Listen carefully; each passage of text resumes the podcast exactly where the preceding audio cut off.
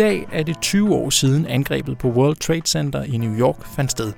Det var afslutningen på en historisk fredelig periode og begyndelsen på en ny, på en kamp mod terrorisme, som forløbig har varet i to årtier, kostet tusindvis af menneskeliv og milliarder af dollars, og som må forventes at fortsætte i mange år endnu. Dagen i dag, kan man sige, er en anledning til at spørge os selv, vandt vi eller tabte vi, og hvordan forandrede krigen mod terror vores samfund? Med her i programmet, der er Informations USA-korrespondent Martin Burkhardt, som har boet og arbejdet i USA i mere end 20 år. Velkommen til Radio Information. Jeg hedder Otto Lærke, og jeg er vikar for Anna von Sperling. Hun er jo normalt vært her på programmet, men øh, nu er hun blevet syg og er først tilbage næste uge. Hun nåede heldigvis lige at sætte et program sammen, så det tænker jeg bare, at vi følger. Og et af punkterne i det program, det er vores Tysklands korrespondent Mathias Tonne. Han sidder lige nu i et øh, tog på vej mod München, hvor han dækker det tyske valg. Det er først den 26. september, men allerede her har faste læsere af avisen sikkert opdaget, har vi på information dækket det tyske valg intenst. En ting ved et hvert parlamentsvalg er selvfølgelig, hvem der får magten. Men noget særligt ved det tyske valg er også, hvem der afgiver magten. Mathias Sonne han fortæller om Angela Merkel, 16 år som kansler i Tyskland. Så er chefredaktør Rune Lykkeberg selvfølgelig med. I denne uge der fremlagde regeringen en reform af beskæftigelsesområdet, og som en del af den reform, der foreslår den blandt andet at oprette klimaerhvervsskoler. Det er ugens optur. Og her kan jeg jo lige parentes bemærket sige, at alene det at have en optur i denne uge er jo ret optur, fordi i sidste uge havde Anna og Rune jo en lille terapeutisk session om, at det kan være svært i disse øh, urolige tider hver uge at have en optur. Men i denne uge kom regeringen altså heldigvis med den her reformpakke. Optur. Det er programmet for ugens radioinformation. Velkommen til.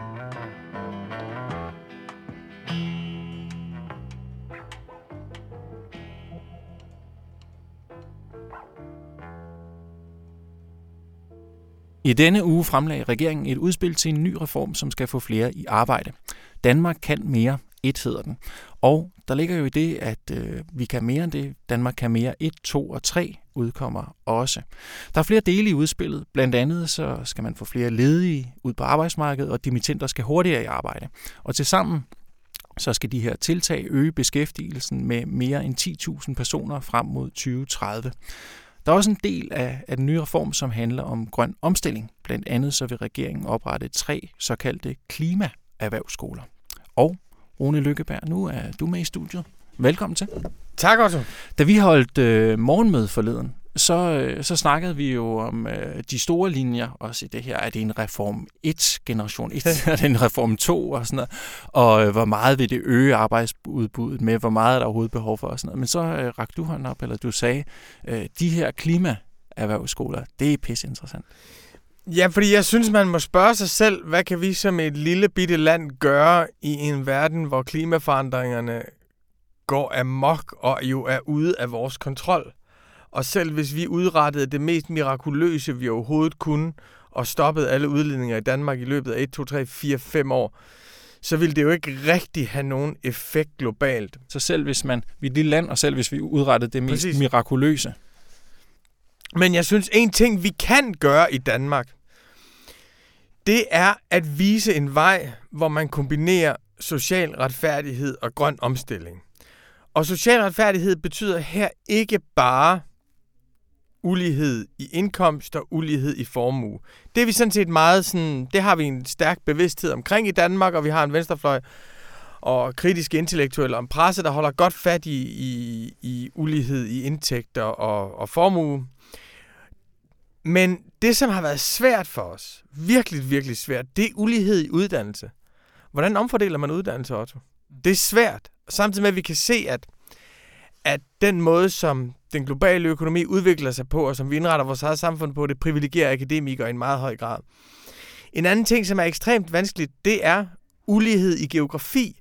Det vil sige, de, de muligheder, dine børn får ved at vokse op herinde i byen, er helt anderledes end dem, man får, hvis man vokser op i Vestjylland, eller på Vestjylland, eller på Lolland, eller i, i Nordjylland. Hvordan omfordeler man det? Og en af grundene til, at det her det er blevet så ekstremt interessant, altså geografisk ulighed og ulighed i uddannelse, det er jo fordi, vi kan se, det er det, som den grønne omstilling støder på rigtig mange steder. Den, de gule veste er jo det bedste eksempel på det. Og det, ja. Altså fordi vi tænker, at øh, et job i en grøn omstilling, det er en ingeniør på Vestas.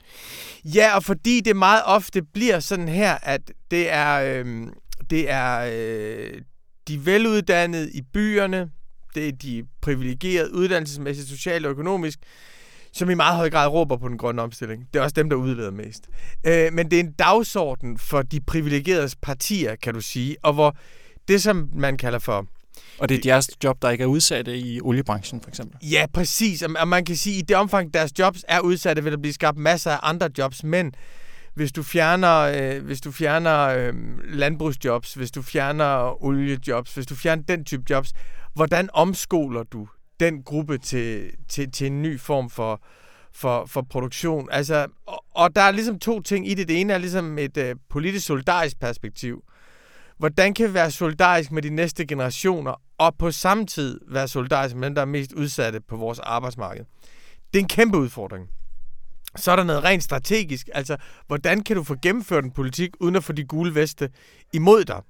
Øh, og der synes jeg, og der, der synes jeg at øh, der er en meget stærk tanke i det her forslag, som er, at man for det første sætter rigtig mange penge af til at gøre øh, til at, til at gøre øh, til at forhæve dagpengene for dem, der er over 30 og har brug for videreuddannelse. Det vil sige, dem, der har fået uddannelse, og som hvis uddannelse der ikke er efterspørgsel øh, efter mere, de får mulighed, de får rigtig gode vilkår for at videreuddanne sig. Det er den ene ting. Og den anden ting er, at man så laver de her tre store klimaerhvervsskoler, som de hævder skal være i, i verdensklasse. Og hvor man kan sige, der vil man tiltrække dem, der rigtig gerne vil den grønne omstilling, og man siger, vejen til at komme i gang med den grønne omstilling og bidrage til den, det er ikke at tage en akademisk uddannelse. Det er at tage forskellige former for faglærte uddannelser.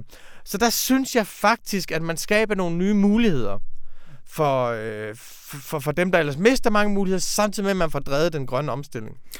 Og kunne man ikke sige, at hvis man nu indførte en, øh, en ensartet beskatning af CO2, jamen så ville der automatisk komme en større efterspørgsel efter håndværkere, som kan lave grønne løsninger. Altså tømmer, som kan isolere med mere råguld, fordi at så vil man gerne spare på varmen i sit hus.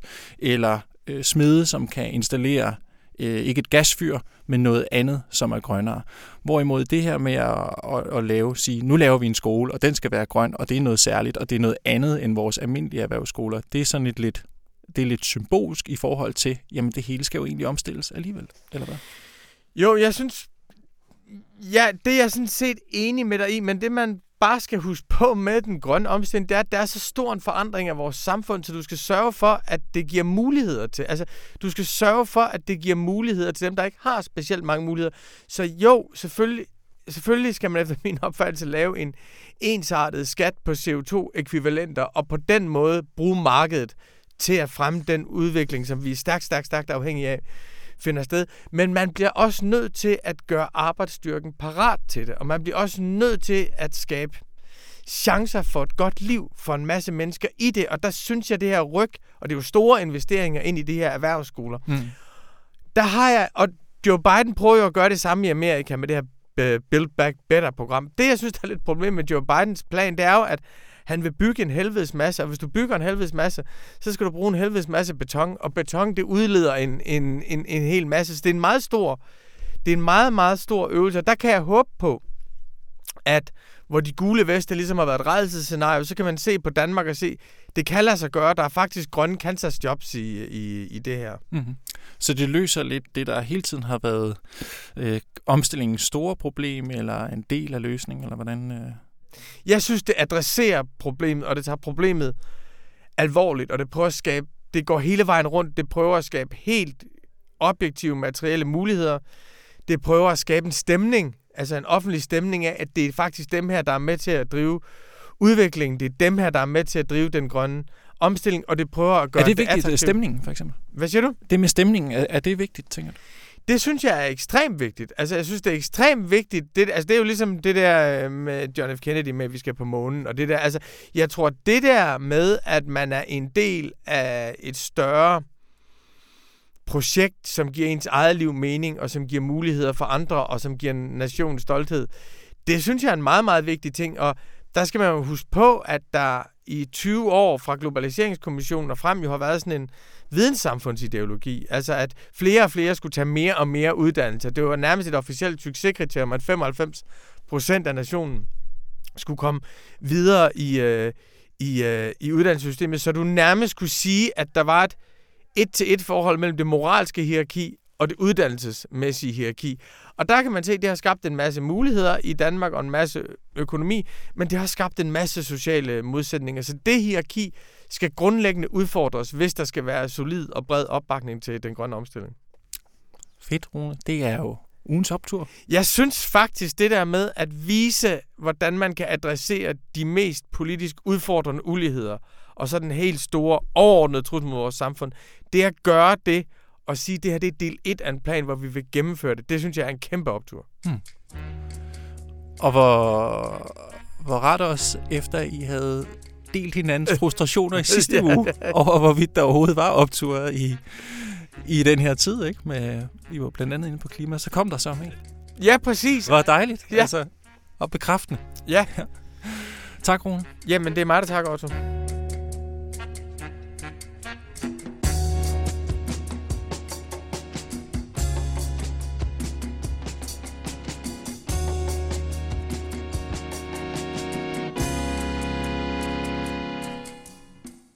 Nu skal det handle om angrebet på World Trade Center i New York.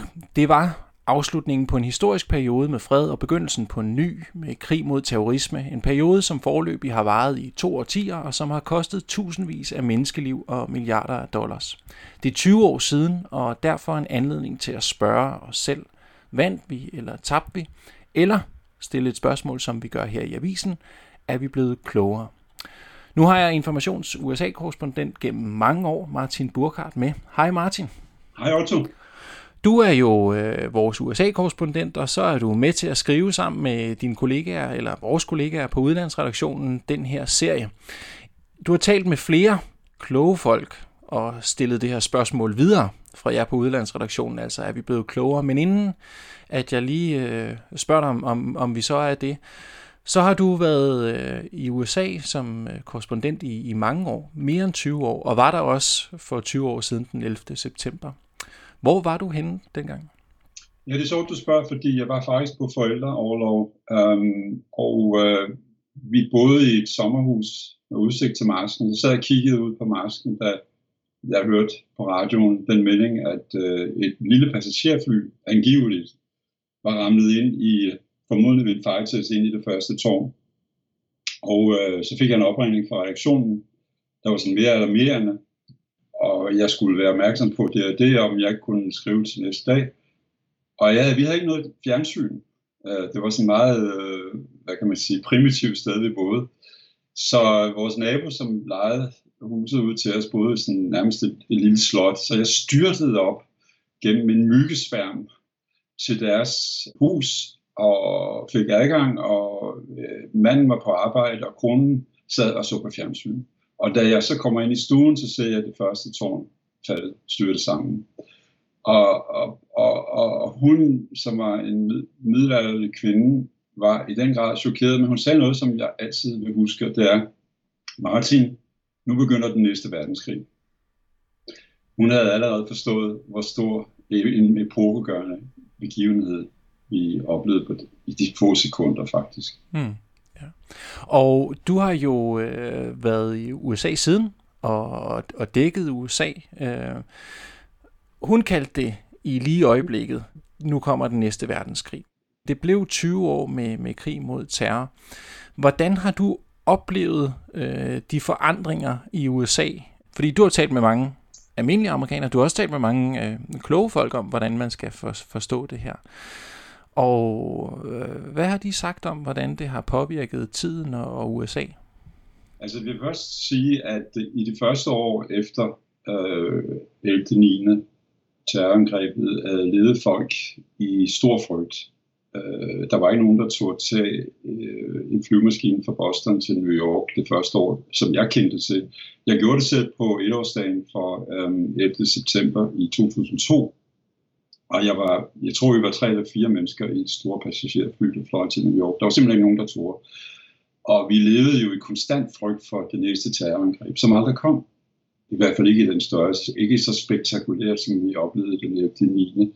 Uh, og det er vel en af de store fortjenester, kan man sige, ved den krig mod terror, som blev ført af de efterfølgende regeringer Bush og Obama, uh, at, at man faktisk hindrede uh, stort set et nyt terrorangreb på USA. Men det var et, uh, det var et spøgelse, der hang over os i mange, mange år efter. Uh, det var ikke noget, folk glemte. Det sad i dem.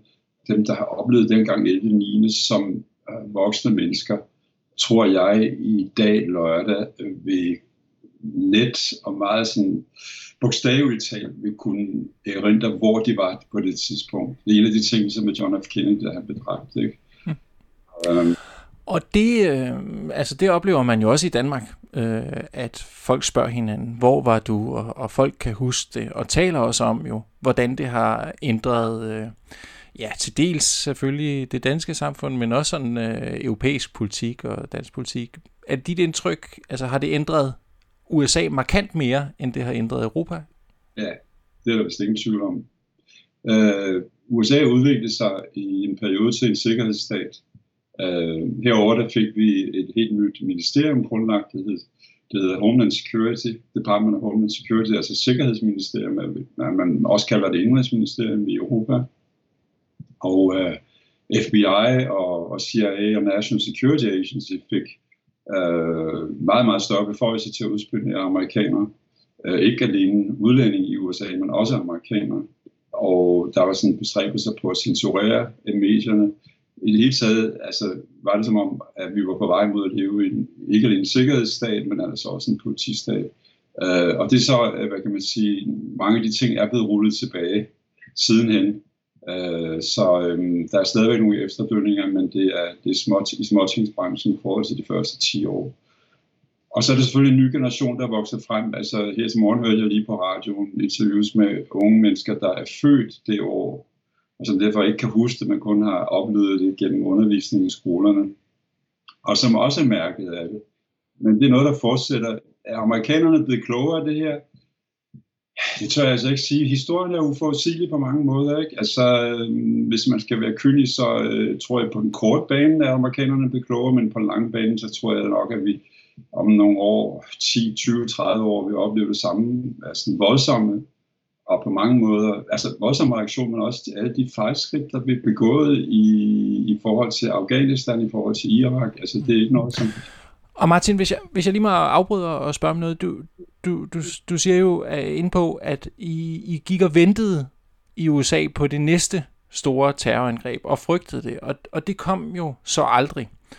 Og målt på det parameter, kan man jo godt, som en af de kilder, du taler med i den her interviewserie, som I, I skriver, øh, godt sige, at der blev krigen mod terror jo vundet på en måde. Så er du inde på det andet med, at der var en sikkerhedsliggørelse af samfundet, og det har fået andre, i hvert fald i debatten herhjemme, jeg har mest fulgt den, den hjemlige debat om det, til at sige, at vi tabte krigen mod terror, fordi at den forandrede vores samfund. Når du taler med almindelige mennesker, eller nogle af de her kloge folk, altså kan man gøre, kan man gøre de to øh, ting op? Er der en af de to måder at se det på, altså vi tabte eller vi vandt, som, som er rigtig? Mere rigtig? De mere sofistikerede, øh, sådan lidt intellektuelle amerikanere vil mene, at, at, at, at de tabte noget ved det her, i, i, fordi at vi fik den her sikkerhedsstat og nærmest politistat. Ikke? Men jeg tror, at de fleste amerikanere før øh, tilbagetrækningen fra Afghanistan øh, havde den overbevisning, at det faktisk var gået rimelig godt øh, i forhold til at holde terrorangreb væk fra USA. Men det andet er selvfølgelig, øh, at offrene har været enorme.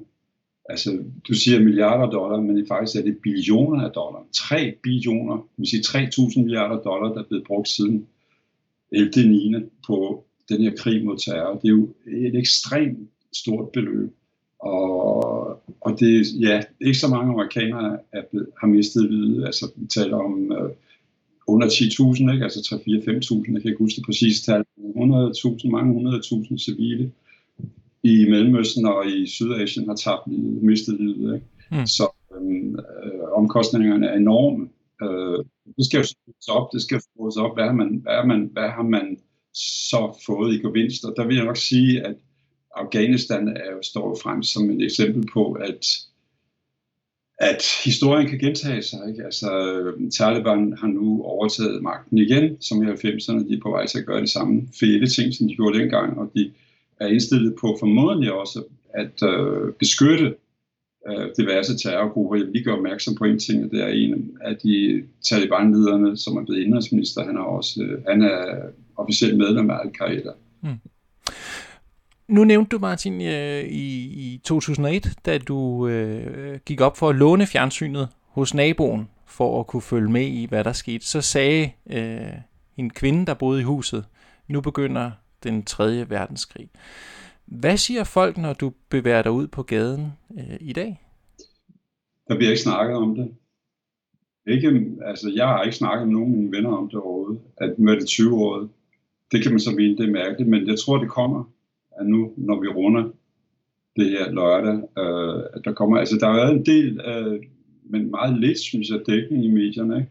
Altså der er forskellige film, dokumentarfilm og så videre på kabel-tv, øh, men der er for eksempel, altså de store aviser har ikke bragt noget endnu på deres forside, og der har ikke været nogen temaserie overhovedet, som vi kører. Altså, det var meget underdrejet, synes jeg. Er det jeg. rigtigt? Det der er. Ja, det var meget, meget underdrejet i, i denne uge. Det forbavser mig også, virkelig. Hvordan kan det være? Hvis det har fyldt ellers mere og forandret USA mere, at man så ikke er optaget altså, af det lige nu? For det første er det 20 år siden, for det andet så uh, lever, vi, lever vi lige nu en pandemi, som, som ikke uh, er på vej væk, som i Danmark. Uh, og det er noget, folk går meget, meget mere op i. Altså, nu har vi oplevet tilbagetrækning fra Afghanistan. Jeg tror, folk de sådan drager en lille sådan suk over, nu har vi endelig fået vores soldater hjem ikke, igen. Uh, og så ser man så bort, bort fra selvfølgelig, at den her terrorkrig den kommer til at fortsætte, bare med andre midler, som jeg nævner i den artikel, som er i fredagsavisen, en interview med Samuel Moyen, en historiker og jurist, som har skrevet en bog om netop, at den humane krigsførelse, som man kalder det, der bliver benyttet med droneangreb og specialstykker osv., uden for offentlighedens søgelys. Det er den slags terrorkrig, der vil fortsætte. Mm. Det var mit næste spørgsmål, Martin, og, og, og sidste spørgsmål. I stiller øh, det her spørgsmål, øh, er vi blevet klogere? Og det er ikke fordi, jeg forventer, at du ligesom øh, opregner alle de punkter, hvor vi øh, er blevet klogere. Og du har talt med, med, med Moin, som du nævner, og, og en, der hedder Peter Bergen. Hvad siger de to kloge folk, som du har talt med?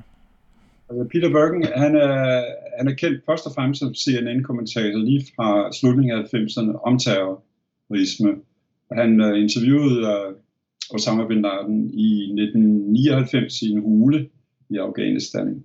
Og uh, Samuel Moyn er en uh, venstredrejet uh, akademiker fra Yale University, som nu er udkommet med en bog, der præcis handler om, hvad man kalder den humane krigsførelse, det vil sige en krigsførelse, der følger meget, meget skarpe, strenge regler for beskyttelse af civile. Og når du kommer med din øh, røde mikrofon for information og spørger, om vi er blevet klogere, hvad siger de to så? Altså jeg spurgte kun Peter Bergen om det, og Peter, Peter sagde sådan set noget meget øh, rimeligt, og det er øh, interessant, og det er, at, øh, at vi jo i 90'erne i USA levede i en, en tid med velstand, hvor øh, sommeren før 11. september var en af hovedhistorierne øh, af, i, i aviser, på avisernes forside, at der har været nogle hajangreb mod badene i Cape Cod. Altså, at man i USA sådan var nærmest blevet lullet i søvn efter øh, afslutningen på den kolde krig, og, øh, og egentlig ikke havde noget forhold til historien længere, fordi den var sådan set forbi, som Francis Fukuyama skrev i sin berømte bog. Øh, og så lige pludselig så griber den her Osama Bin Laden ind i historien og bliver en, en historisk skikkelse, som ændrer verdenshistorien. Og det var Osama Bin Laden, der fik ideen en makaber idé, men også en genial idé, må man sige. Og øh, en gang imellem i historien, sagde han, er der altså personligheder, som får så stor en indflydelse og forandrer verden, og det, det forandrer verden. Og det andet interview, som, øh, som man kan læse i, øh, i information i den her weekend, som, som du har lavet i serien med øh, Samuel Moyne, hans pointe er, øh, som jeg forstår det, at godt nok har USA afsluttet indsatsen, krigsindsatsen i Afghanistan efter 20 år, men at den her krig mod terror kommer til at fortsætte. Ja, og det er jo selvfølgelig noget, vi alle sammen mere eller mindre fornemmer, at, at øh, terrorismen jo ikke er forsvundet fra jordens overflade, blot fordi at USA og NATO trækker styrkerne ud af Afghanistan. Og især ikke fordi Taliban har overtaget magten igen. Ikke? Og Taliban var jo en allieret med al-Qaida i slutningen af 90'erne. Men Samuel Moyens øh, vigtige pointe er, at den her humane form for krigsførelse, hvor man ikke sender, længere sender konventionelle styrker ud for at udkæmpe konventionelle krige, der fører til massetab af soldaterliv og civile liv, og i stedet for bruger øh, højteknologiske midler og specialstyrker, som skal følge meget, meget strenge regler, formuleret af Obama, øh, men som er i overensstemmelse med krigskonventionerne og tillægsprotokollerne fra 1977. Det betyder jo, at den her, hvad han kalder skyggekrig, den øh, kan fortsætte uden for offentlighedens søgelys. Ved du, hvor mange droneangreb præsident Biden har givet grøn lys til? Nej. Nej, men det, det er så flere, end jeg havde regnet med. Nej, han har kun givet til ét. Og det var det, der var i, det var det, der fandt sted i Kabul for nylig. Men Trump, han i sine to første år, gav han ordre til flere droneangreb, end Obama havde gjort de sidste to år. Og Obama gav i hele sin præsidentperiode ordre til 10 gange flere droneangreb, end Bush havde i sine otte år i det hvide hus.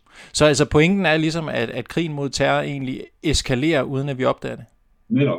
Altså, at den, den vil Jamen, altså, den vil eskalere, hvis terrortruslen vokser, ikke? Og fordi at, at du har Taliban i Afghanistan, det er den første islamiske stat, dannet efter 11. september. Og nu har vi den her stat, som øh, islamistiske terrorister selvfølgelig er begejstrede for.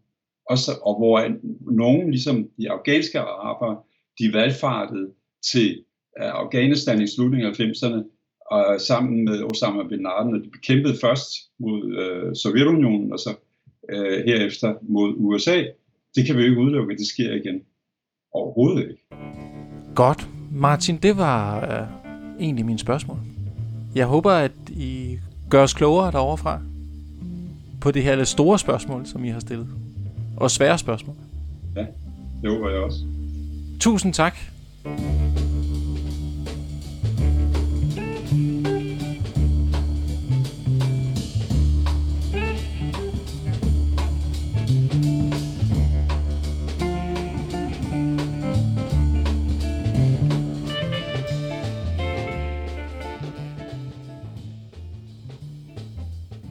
Fleste parlamentsvalg handler om, hvem der kommer til magten.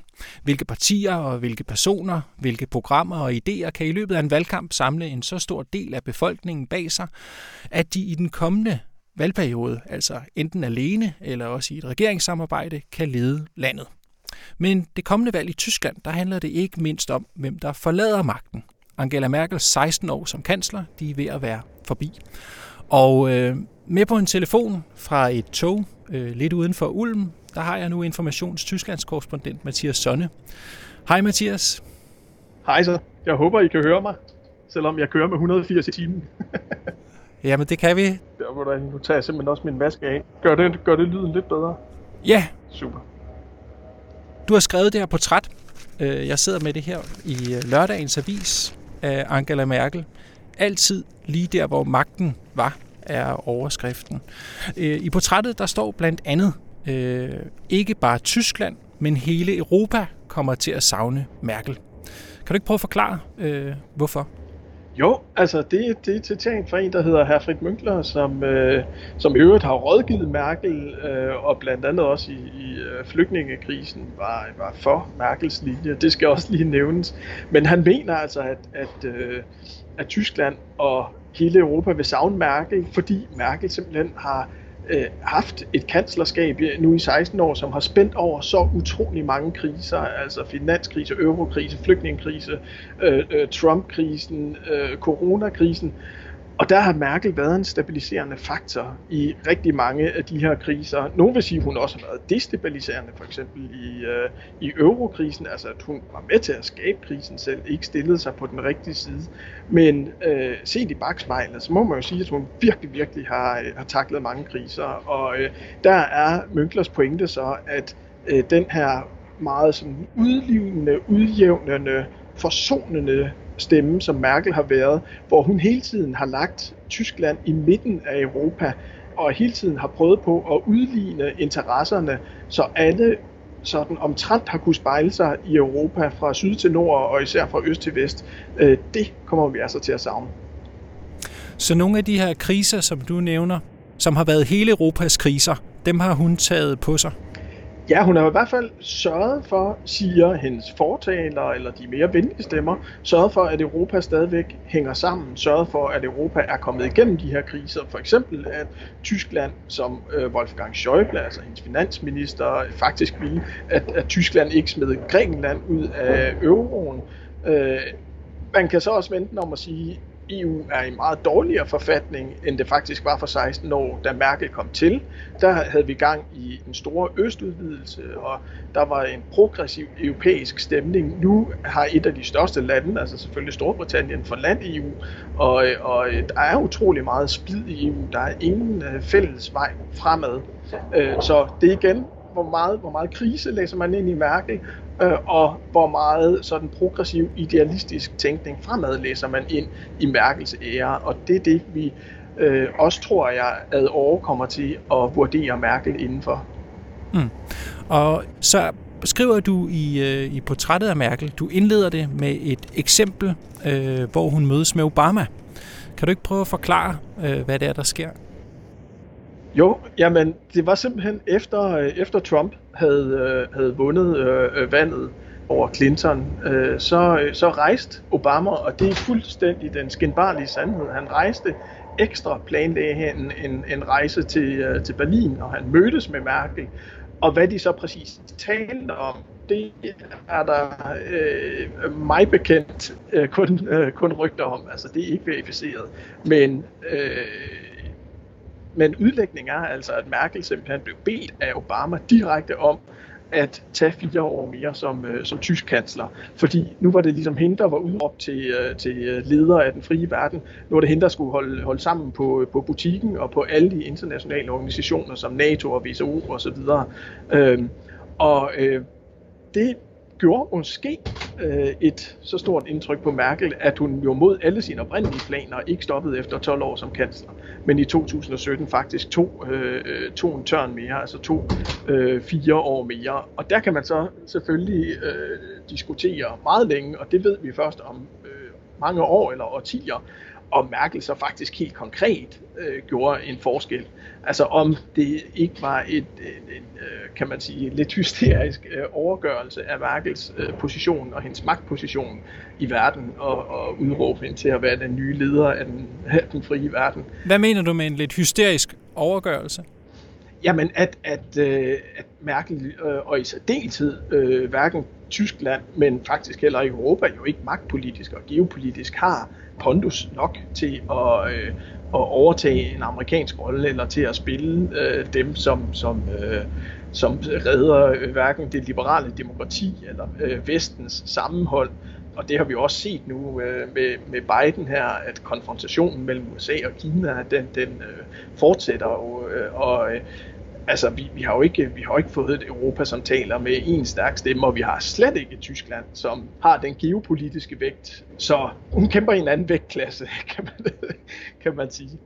Det skal bare forstå, Mathias, fordi på den ene side, så, så siger Herfred Münkler ikke bare Tyskland, men hele Europa kommer til at savne Merkel. Altså underforstået, hun har været en ledende skikkelse for, for hele Europa. Og så på den anden side, så siger du, så er der stemmer, der siger, jamen hendes sådan geopolitiske eller bare europæiske betydning har måske været overvurderet. Hvilken en af de to ting er rigtig? Jamen, de er begge dele rigtige, fordi hvis man ser det i forhold til det interne sammenhold i EU, så, så har hun jo spillet en vigtig rolle. Ja. Hun har bare ikke øh, drevet EU fremad, og hun har aldrig været en visionær europæer, øh, Merkel. Hun har jo aldrig sprunget på Macrons vogn. Hun har aldrig snakket om øh, strategisk autonomi og de ting, som øh, hendes, hendes fortrolige øh, Ursula von der Leyen øh, for eksempel har snakket om. Så ja, hun har, hun har ført Europa gennem kriser, men hun har ikke forberedt øh, Europa på at være mere alene hjemme, som hun omtrent formulerede det i 2017 i et, i et øltelt nede i Bayern, hvor hele verden holdt, eller i hvert fald hele Europa holdt ved at sige, Gud, nu sagde Merkel det højt, wow. Øh, men, men der har hun ligesom ikke øh, progressivt bevæget Europa i den retning. Hmm. En af de ting, der har været øh, ofte øh, bemærket om Merkel, det er hendes position under flygtningekrisen øh, som du også øh, refererer i, i portrættet, altså velkendt øh, citat, øh, via schaffen das. Men så skriver du også, hvor flygtningekrisen stadig fylder meget i billedet af Merkel i dag, kan klimakrisen i bagspejlet måske komme til at fylde endnu mere, og det billede vil formentlig blive endnu mere broget. Kan du ikke prøve at forklare, hvad du mener, øh, Mathias? Jamen, der ligger det i det, at Merkel jo var, altså hun, hun er jo også fysiker og har, har dyb indsigt i, eller dybere, man forventer, end, end nogle dumme humanister som, som mig, øh, i øh, hvad, hvad klimaforandringer handler om. Men at hun udråbte den her store energivente øh, allerede i den anden periode af sit øh, kanserskab, øh, at hun sagde, nu udfaser vi atomkraften, øh, og vi skal have udfaset kulkraften hurtigst muligt. Vi skal have de vedvarende energier langt, langt mere på banen.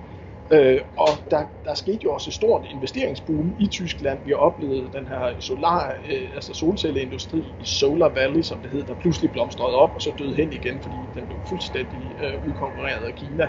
Øh, og vi oplevede også, hvordan der begyndte at komme flere vindmøller, men det har jo langt langt været tilstrækkeligt i forhold til, hvad man i årvis har kunne se øh, er nødvendigt af udbygning af, af vedvarende energi. Både fordi reglerne er for stramme, men også fordi der er en, en protestkultur i, i Tyskland, som gør, at de ikke vil have de her møller. Så på, på den front har Merkel bare ikke været særlig progressiv, og hun har også holdt hånden over bilindustrien, øh, og, og man kan også sådan, med lidt ond vilje sige, at det ikke et tilfælde af dieselskandalen skete i Tyskland, hvor øh, bilindustrien jo har været direkte gift med regeringen hen over mange, mange år, øh, og man politisk har holdt hånden over bilindustrien.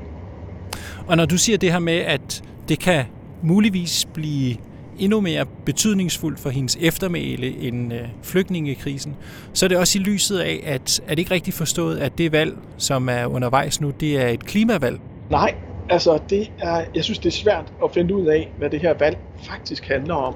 Øh, og jeg har virkelig, virkelig, virkelig prøvet at finde ud af det de sidste uge, øh, par uger her på, ja. på informationslæsers vegne. Jeg gør mit bedste. Jeg kører på kryds og tværs af landet og snakker med utrolig mange mennesker, både mini-tyskere og, og analytikere og politologer og hvad ved jeg. Øh, og at sige det er klimavalg, jo og nej.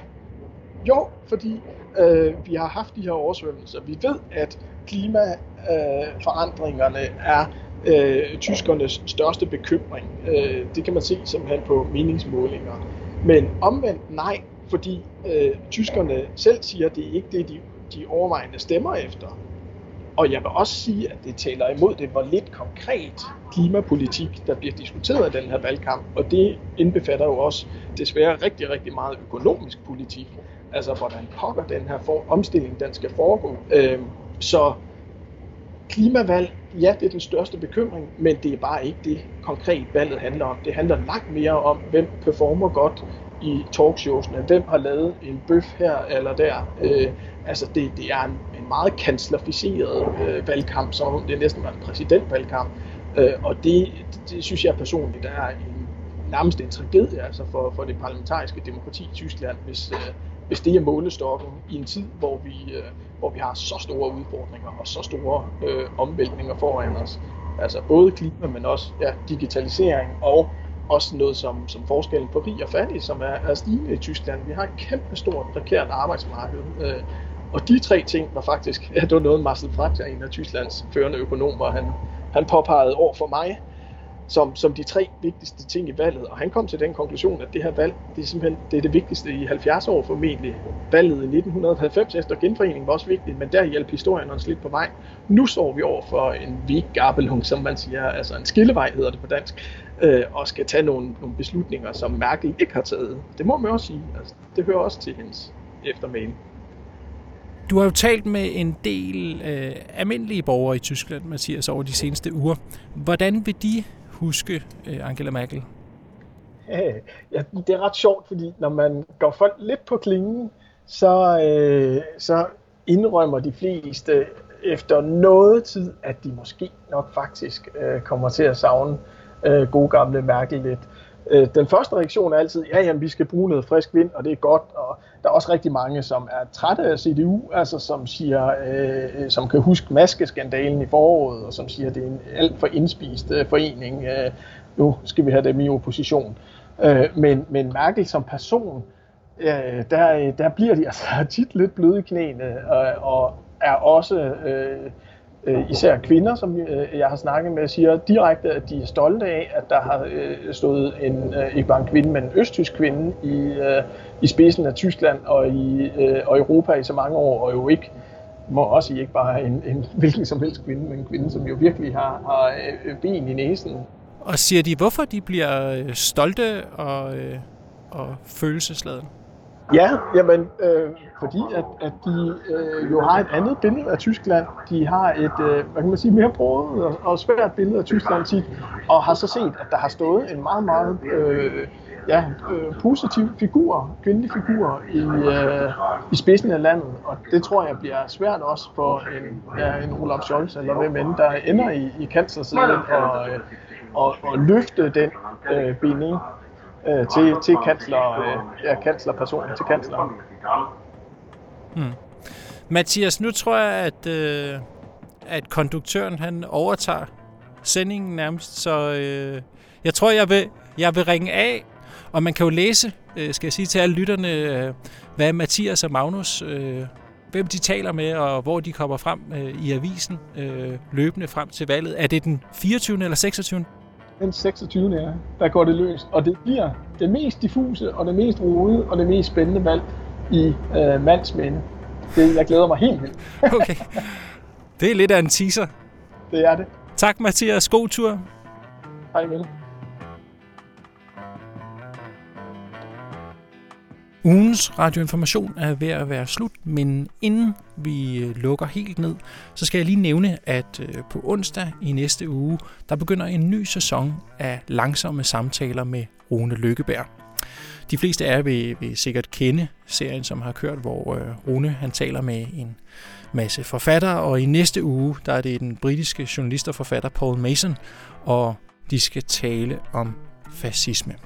En anden podcast, som vi også lige gerne vil flage for her i programmet. Det er podcasten med mine kollegaer Anton Geist og Ulrik Dalin, som i avisen, her er det fra onsdag, skriver om rigsretssagen mod Inger Støjberg. Og det kan man læse om, men det kan man faktisk også høre om i podcasten om rigsretssagen. Den findes i øh, samme feed, hvor I finder den her podcast. Det var sådan set øh, programmet for i dag. Programmet det var tilrettelagt af mig. Jeg hedder Otto Lærke, og jeg er vikar for Anna. Hun skulle gerne være tilbage igen i næste uge. Det var klippet af Anne Pilegaard Petersen. Tak fordi I lyttede med.